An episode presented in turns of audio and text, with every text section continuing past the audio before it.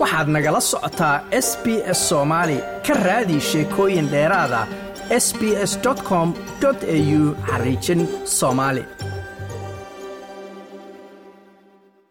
markay noqoto qaabka ugu wanaagsan ee gurigaaga aad ku kululaysanayso wakhtiga qaboobaha wakhtiga ay noqoto in aad gurigaaga kulayliye u raadsato doorashada nooca kulayliyaha ee kugu habboon waxay ku fududaanaysaa marka aad ogaato noocyada kulayliyaasha ah ee la heli karo iyo xaaladaha adiga kugu habboon ee iyagu ay ku samayn karaan.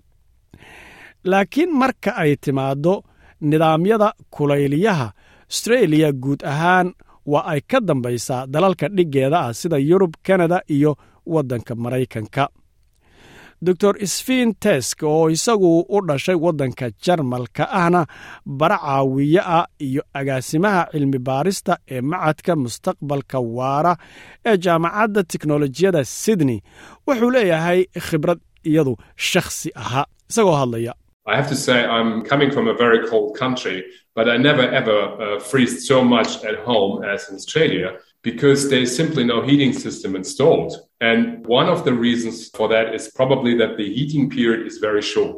Waa inaan buu yidhi idhaahdaa waxaan ka imid waddan aad u qabow laakiin weligay si daran uguma dhaxamoonin guriga sida austreeliya sababtoo ah ma jira buu yidhi nidaam kulayliye ah oo rakiban. Mid ka mida buu yidhi sababaha taas keenay waxay u badan tahay in xilliga kulaylka uu aad u gaaban yahay. Sida ugu badan waa saddex bilood halka xilliga kulaylka ee yurub meesha aan ka imid buu yidhi ay u dhaxayso siddeed iyo sagaal bilood.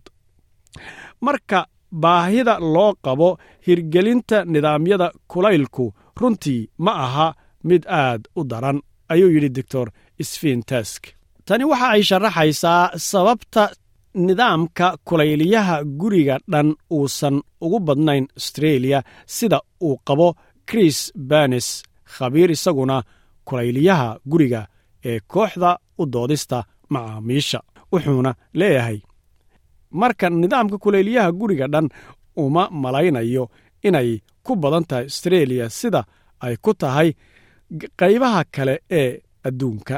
Nidaamka guriga dhan lagu gaadhsiinayo kulayliyaha waa mid dhaqaalo badani ku kaco marka loo eego nidaamyada kaleete. Dadka guriga iska leh ee u heelan inay ku kulaystaan kulayliye nooca aan qiiqa bixinnin ama wasakhda bixinnin caafimaad ahaanna u wanaagsan. Waxaa jira doorashooyin ayuu yidhi doctor teska. Laakiin dadka kiraystayaasha ahi si sahlan kuma heli karaan nidaamkaasi maadaama ay u badan tahay in la rakibo oo guriga lagu qalabeeyo. Mid ka mid a xulashooyinka tamarta ugu waxtarka badani waa habka kulayliyaha gaar ahaan marka uu ku shaqaynayo korontada laga keenayo nidaamka soolarka. Uh,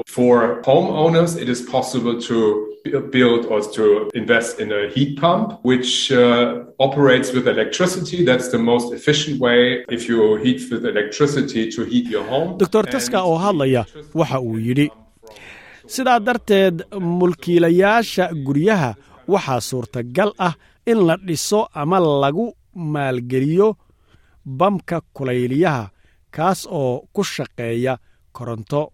Taasi waa habka ugu waxtarka badani haddii aad ku kululaysato koronto si aad u kululaysato gurigaaga korontaduna waxay ka imaan kartaa nidaamka soolarka marka asal ahaan kulaylinta noocaan ahi ayuu yidhi gebi ahaanba waa mid nadiifa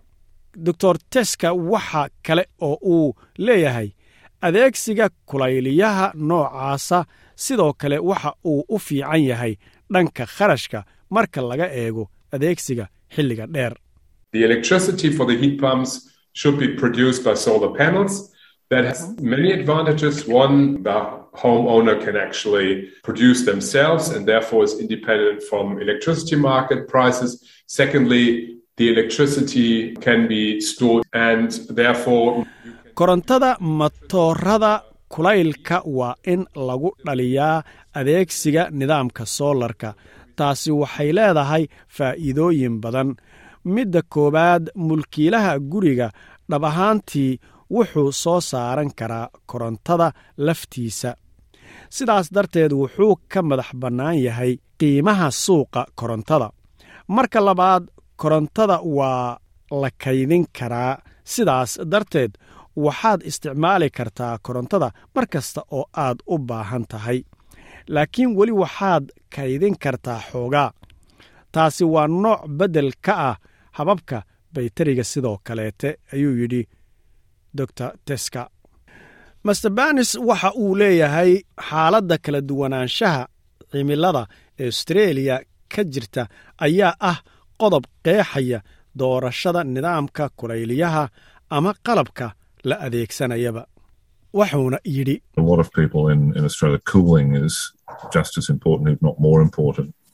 as heating. So a reverse cycle air conditioner obviously is a great solution because it offers you both of those. Now, dad badan oo australia ku nool qaboojintu waxay sidoo kale u tahay muhiim haddii aysan ka muhiimsanayn kulaylinta sidaa darteed qaboojiyaha wareega ayaa dhab ahaantii xal weyn u noqon kara sababtoo ah wuxuu bixiyaa labadaas nooc kulayl iyo qabowba. Hadda habka ay dadku u xallinayaan kulaylinta guryahooda inta badani waa mid gobol walba gaar u ah gobolladuna way ku kala duwan yihiin taas dhinaca xukuumadaha gobolladu waxa ay ka taageeraan qoysaska dhanka wanaajinta awooddooda kulaylinta guryahooda. Barnaamij ayaana jirta lagu maareeyo arrimaha kulaylinta guryaha oo dhaqaale lagu bixiyo.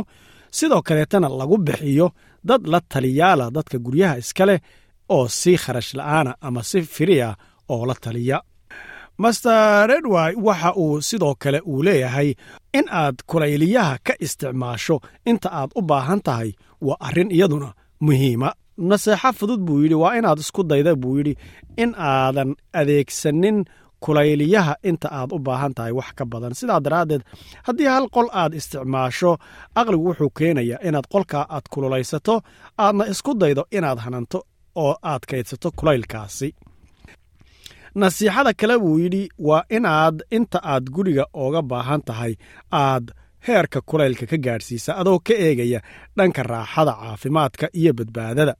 Haddii aad kor u qaadda buu yidhi kulayliyahaaga heerkiisa kulka oo gurigu aad kugu kululaado taasi waxay keenaysaa mar walba in dhanka dhaqaaluhu uu aad u sii kordho. Master redaway waxa uu leeyahay dhanka ku saabsan kulaylinta waxaa jira buu yidhi doorar dadka u wada furan oo kuwa guryaha leh iyo kuwa aan lahayn oo ah guriga in la hubsado ama la adkeeyo xidhitaankiisa oo marka uu kululaadana kulaylkaasi loo hanto marka uu qabowga loo rabana qabowga loo hanto.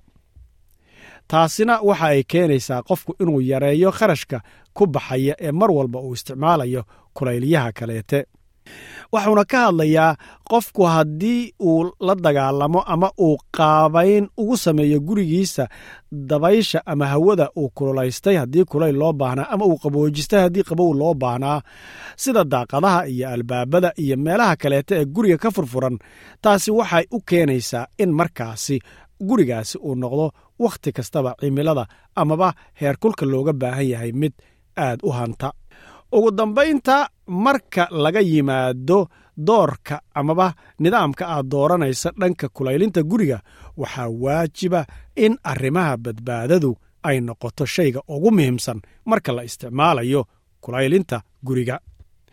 Sida ay sheegayso waaxda dabka iyo badbaadada ee new south wales bilaha qabowga badani dababka guryaha guba waxa ay kor u kacaan boqolkiiba toban iyada oo goobaha guryaha ka gubtana ay u badan tahay qolalka jiifka qolalka fadhiga iyada oo waxyaabaha lagu gubana ay ka mid tahay sakhaanooyinka noocyada kala duwan ah. Maamulladu waxa ay haddaba ka digayaan inaan la isticmaalin qalab wax lagu kululaynayo oo bannaanka laga keeno sida kuwa cuntada lagu karsado oo loo isticmaalo dhuxusha amaba baansiinka taasoo markaasna keenaysa inay dhibaata mar walba suurtagal tahay. Waxaa sidoo kale lagu talinayaa in aad loo eego qalabka la isticmaalayo shirkadaha soo saara dardaarannada iyo talooyinka ay bixiyaan in si fiican loo ogaado loona dhigto. Ma doonaysaa sheekooyinkan oo kale? Ka dhegayso apple podcast google podcast spotify ama meel kasta oo aad bodkastigaaga ka hesho